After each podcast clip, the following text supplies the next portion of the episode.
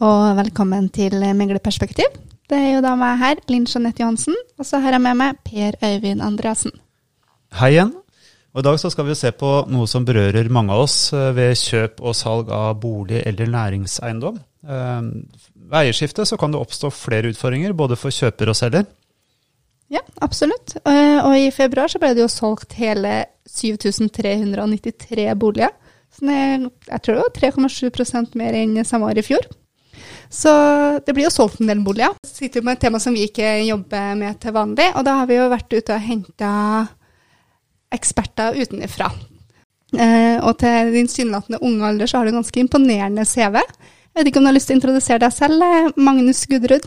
Jo, takk for at jeg fikk komme. Um, ung alder i tross så har jeg fått gjort en god del. så jeg, Under studietiden så jobbet jeg med forsikring i DNB. Uh, og når jeg sier studietiden, så er det da juss. Så jeg har vært advokat og advokatfullmektig i uh, Help forsikring.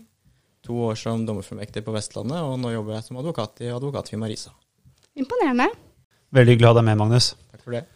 Så har vi også med oss uh, en gjest til. Det er uh, Aksel Wilhelm Jepsen, som er vår liability risk consultant i Aon. og du har jo bakgrunn også innenfor juss, Aksel, og jobbet med skadeoppgjør i If og Crawford Company, og, og, nå er du her hos oss i Aon. Så velkommen til deg, Aksel. Kanskje du vil si litt om hva du driver med til daglig i Aon? Jo, absolutt. Takk for det, og takk for at jeg får lov til å være her. Eh, til daglig så jobber jeg egentlig med litt forskjellige ting, men har jo da, som du nevnte, hovedsakelig bakgrunn innen skalloppgjør, og da med hovedvekt på ansvarsforsikring. Eh, og det er jo stort sett det jeg driver med i Aon også, eh, men da driver jeg ikke bare med skalloppgjør. I tillegg så jobber jeg en god del med Altså Klassisk megling, plassering, fremforhandle forsikringsavtaler, eh, særlig innen eh, ulike typer ansvarsforsikring. Og så jobber jeg også en del med kontraktsrevisjon og kontraktsrådgivning for eh, ulike kunder innenfor ulike segmenter. Spennende. Så det her er jo interessante deltakere vil jeg si, i forhold til det temaet vi skal snakke om i dag, som går på kjøp og salg av bolig og næringseiendom. Hva kan skje? Men eh, Magnus, du som sitter midt oppi det her, har du lyst til å si kort om eh, dagens marked når det kommer til bolig, boligmarkedet? Eh, det selges vel drøyt 100 000 boliger i eh, Norge i året, så det er eh, et stort tall. De aller fleste tegner forsikringer på hver sin hånd, både boligkjøper og boligselger, selv om boligselgerforsikringen er mer vanlig. Og som vi vel skal komme tilbake til, så ender det opp i en del krav og, og problemer fra tid til annen. Når det er sagt, så er ikke tallet veldig høyt. Det er en 10% som, som ender opp med krav. Eh, eller henvendelser, og så er det et mye mindre antall som ender opp i retten. Eh, så man kan ut fra media se det som et større problem enn det det egentlig er, men det er fortsatt mye å ta tak i for oss som jobber med dette. Hva er egentlig boligsalgforsikring og boligkjøpforsikring? Det er kort fortalt på selgersiden en ansvarsforsikring, og på kjøpersiden en rettshjelpsforsikring. Begge de forsikringene er jo forsikringsordninger som privatpersoner kanskje er litt ukjent med. Altså det er vanlig at man tegner type skadeforsikringer og helseforsikringer. Men disse rene rettslige forsikringene med ansvar og, og rettshjelp, de er mindre vanlige. Eh, og da er det også vanskeligere kanskje for enkeltpersoner å forstå hva disse går ut på.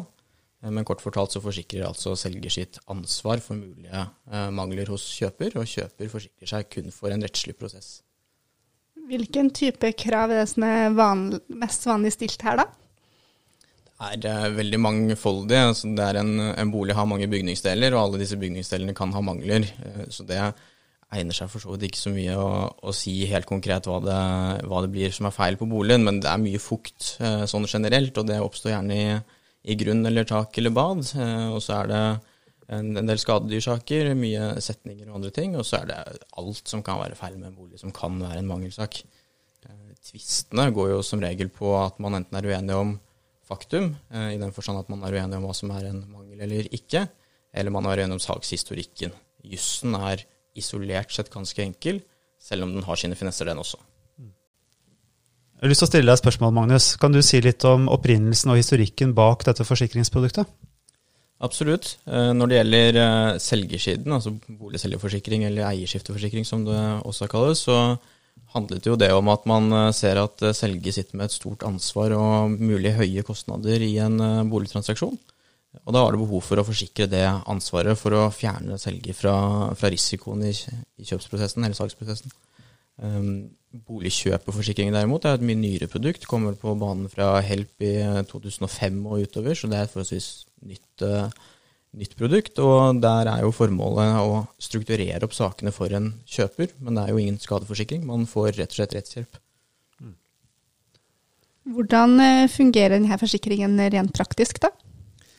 På eh, selgersiden er det veldig enkelt. Man lener seg tilbake som selger hvis man har gjort jobben sin med å si alt riktig ved salget, og så er det forsikringsselskapet som vurderer å, å ta saken, og for så vidt også bærer risikoen. På kjøpersiden så er det mer komplisert. Man uh, sitter jo der med en reklamasjonsprosess som kjøper, og man har jo selve boligen selv også, og vet selv hva man mener at det er en mangel. Og Så kontakter man da forsikringsselskapet sitt og får en vurdering av om man har rett eller feil i at dette er noe å gå videre med. Eh, og Da er det gjerne verdt å høre på de som har kompetansen. Én eh, ting er at man kan føle at det er dumt å bli avfeid, en annen ting er at du føler det enda dummere når du sitter to år senere med en dom som sier at du tok feil. Eh, får du beskjed om at du har en sak, så kan disse advokatene jobben sin, og de strukturerer opp saken din på en god måte. Din måte, jobb er å komme med gode innspill underveis og sørge for at alt blir belyst skikkelig fra, fra din side som kjøper. Og På næringseiendom er det jo ikke et så standardisert eh, produkt som det er på privatmarkedet, Aksel. Men hvordan er historikken og litt eh, opprinnelsen til de løsningene vi nå har eh, innenfor næringseiendom og næringsmarkedet? Nei, dette kommer vel, De løsningene man har, kommer vel først og fremst fra, eh, fra, det finansielle miljøet og eh, fra utlandet, hvor man eh, i noe lengre tid enn her på berget har hatt erfaring med såkalte M&A-forsikringer. Altså at man går inn i en transaksjon og forsikrer hele deler av forholdene ved den transaksjonen. Som et alternativ f.eks. til det som har vært vanlig, og som ofte er vanlig i en transaksjon, er at man har har regulering, reguleringa av med avbetaling og såkalte escrow-løsninger. At et beløp skal settes på en konto så og så lenge, og at uh, kjøper, uh, kjøper, kan holde tilbake en del av kjøpesummen. den type ting, og Da fant man ut at ok, kanskje man kan bruke forsikringsmarkedet for å finne alternative løsninger, sånn at man slipper å, slipper å binde, opp, binde opp Eh, binde opp masse kapital. Eh, og det har man vel i Norden sett at det er kommet mer og mer de siste, de siste årene. Altså ikke mer enn kanskje mer enn tre, fire, fem år. Uh, hvor vanlig det er, det er vanskelig å si, men det er nok, har vel stort sett historisk sett vært forbeholdt altså større finansielle og profesjonelle aktører som da er vant med å gjøre vant med å gjøre flere transaksjoner, og som da kjenner til risikoen, og da har enten selv eller eh, ved hjelp av rådgivere kjenner til altså problemstillingene og kan formulere det på en god måte, og da få en forsikringsgiver til å være med på å avlaste en del av den risikoen som er forbundet med, eh, forbundet med transaksjonen. Interessant. Eh, du var jo så vidt inne på det, Magnus, eh, på tidsperspektiv, men hvor lang tid tar en sånn prosess fra man oppdager en feil til uh, alt er avslutta? Det vi ofte ser, er at man uh, bruker et sted mellom én og fire-fem måneder på å få frem et ordentlig krav. Altså, man har gjerne en antakelse om at noe er feil, men man vet ikke helt hva det er, man vet ikke hvor stort det er. Uh, og veldig ofte så må man ha en takstmann inn for å se på forholdene før man egentlig kan fremme noe krav mot selger i det hele tatt. Så allerede der så påløper det noen måneder. Eh, derfra ut så varierer det veldig, men eh, enkelte får jo en, eh, en, rask løsning på saken sin, enten med at de ikke har en sak, eller med at boligselgerforsikringen ser at man har en god sak, og at det økonomisk løser seg raskt. De som ender opp med tvister og, og stevninger og rettssaker, der er det jo sånn at man gjerne har holdt på i ett til halvannet år med diskusjon og utredninger før man har sendt inn en stevning tar en rettsprosess i sjiktet seks til åtte måneder. Og så har du selvfølgelig mulighet for ankomganger både én og to ganger, selv om de aller fleste saker ikke havner i Høyesterett. Så man må nok som kjøper eh, se for seg at man kan holde på med dette i uh, halvår til uh, ett til to år hvis man først setter i gang en prosess. Det er tid, tidkrevende, og det er ikke noen kurant, enkel vei til mål, dessverre. Har vi noe statistikk eller tall på utfallene her, eller?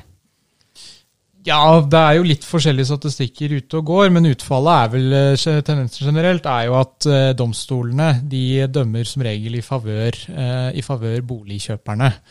Og der har jo da Forbrukerrådet har jo i sin de har vel skrevet en rapport om dette, her, og der har de jo inntatt en oversikt av en gjennomgang hvor de mente at det var vel omtrent 80% av sakene så fikk eh, kjøper helt eller delvis, eh, helt eller delvis medhold.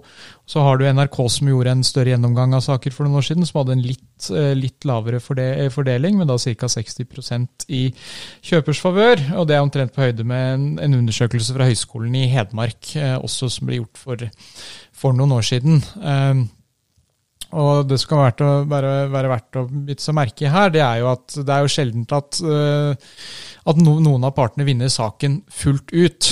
Og det er jo sikkert noe du er kjent med, Magnus, at uh, i en sak så fremmes ofte krav, men at kanskje ikke alle kravene fører frem. Absolutt. Og så er jo min lille uenighet her at de kvalitative studiene man gjerne ser, har et lite utvalg. F.eks. så er vel den fra Forbrukerrådet basert på, på 22 dommer, eh, når vi vet at det ligger i i 500-1000 uh, saker i året for retten, så, så, må man nok se tallene litt større. Uh, fra min, uh, min, tid i Help så snakket vi vel grovt sett om at vi ble idømt omtrent like mye sakskostnader som vi fikk eh, tilkjent, og da, da havner vi mer i sjiktet 40-60-fordeling enn en oppi den 80% man, man snakker om.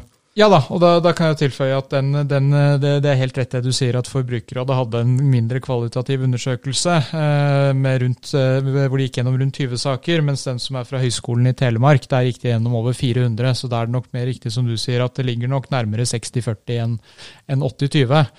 Men det er jo kanskje et, et poeng som kan være verdt å bite seg merke med boligkjøperforsikringen, er vel at den ofte dekker ikke bare egne kostnader til egen advokat, men at den gjerne også dekker kostnaden til motpartens advokat. Absolutt, og det er et veldig godt produkt i så måte. Eh, for min egen del så trenger jeg ingen advokat til å argumentere for eh, sakene, det kan jeg. Tegne tegner boligkjøpforsikring likevel, for jeg syns at dekningen i forsikringsordningen er god, helt uavhengig av den juridiske ekspertisen. Den kommer for min del opp som krydder på toppen, men for mange andre så er det på en måte grunnbasen i hvorfor man har forsikringen. Eh, så det er en absolutt veldig nyttig forsikringsordning. Det er synd at det bare er 60-70 som tegner den. Den burde vært høyere. Eh, på selgersiden så er jo tallet godt over 90. Eh, og så skal det sies, selgerforsikringen er mer, eh, mer, nødvendig. Den må man ha. Det er galskap å selge en bolig uten boligselgerforsikring. Det er ikke galskap å kjøpe uten boligkjøperforsikring. Det er absolutt noe man bør tegne likevel. Og for å svare på det du var innom i sted også. Ja, veldig ofte så får kjøper noe men det er klart, krever du to-tre millioner og, og, ender opp med 300 000, så, eh, så er det vel en uh, statistikkmanipulering å si at kjøper har vunnet saken. Da vil vel kanskje gjerne selgersiden si det motsatte. Sånn at man kan se dette på veldig mange forskjellige perspektiver. og jeg tror man som kjøper må på en måte være litt forsiktig med å, å tro at man nødvendigvis er tjent med en prosess. det varierer veldig fra sak til sak. advokaten din har kompetanse til å vurdere det for deg. Eh, og vær også sikker på at både du og advokaten din ser på saken som bedre enn den egentlig er. Det gjør alle parter og alle advokater i absolutt alle saker. Og Det må man bare erkjenne for å kunne gjøre en ordentlig vurdering av saken etterpå. Gjelder det her forsikringen bare for brukte boliger, eller når man også kjøper nybygg? I utgangspunktet så er det en bruktboligforsikring. Eh, den dekker avhendingslovens uh, avhendingslovens ansvar eh, i eh, selgerforholdene, og nybygg eh, selges jo nødvendigvis av næringsdrivende når man oppfører nybygg, og da er vi innom det næringsunntaket som man var på i sted. Og så har du garantiordninger etter bostedoppføringsloven når, når, du kjøper nybygg. Tusen takk. Nå har vi vært litt inne på historikken her, og også litt praktisk. Men hvis man kjøper en bolig, da, hvor får jeg kjøpt forsikringen hen? Kort svar, det er gjennom megler. Eh, både selgerforsikringen og kjøpeforsikringen tegnes gjennom eh, megler. Eh, så har man alltids mulighet til å gå andre kanaler, men det skjer nesten aldri. Da kan det være greit å presisere at det der det er snakk om eiendomsmeglerne. Så typisk så vil man jo gjerne, hvis man ser på prospekter, så er det jo gjerne tilbud. Eh, altså For de som skal kjøpe boligkjøperforsikring, så, så er det jo gjerne en tilbudsblankett eller en oversikt over hva det vil kunne koste å kjøpe kjøpe boligkjøperforsikring bak. Ja, og der er det jo standard satser, type du betaler så mye for en enebolig og så mye for en leilighet, mens eh, på selgersiden så er det promillesatser som gjelder. Og Hvordan foregår eh, kjøp av løsninger på næringsmarkedet da, Aksel? Der har det vel, I og med at dette har vært så på gjerne spesialiserte produkter, hvor man eh, gjerne, eh, gjerne, må gå i en litt mer utførlig dialog med forsikringsselskapet, så har vel tradisjonen vært at dette har vært noe som gjerne har gått via spesialiserte meglere, sånn som Aon. Og det vil jeg jo, er jo og Det vil jo gjerne være en fordel for alle parter, fordi Aon har jo og forsikringsmeglere har gjerne god kompetanse på på forsikring og ser hva som skjer, og kan jo da også tjene som et korrektiv eh, overfor både selskap og også eventuell motpart i en, i en slik transaksjon, om det er én part som er, som er, pådriver for dette her. Høres veldig bra ut. Da tror jeg vi nærmer oss uh, veis ende for denne episoden. Så uh, med det så vil jeg takke dere for god innsikt, både Magnus og Aksel. Takk for at dere var med oss, og takk for at dere hør, hørte på. Så uh, er vi tilbake med en ny meglerperspektiv om ikke så altfor lenge. Takk for nå.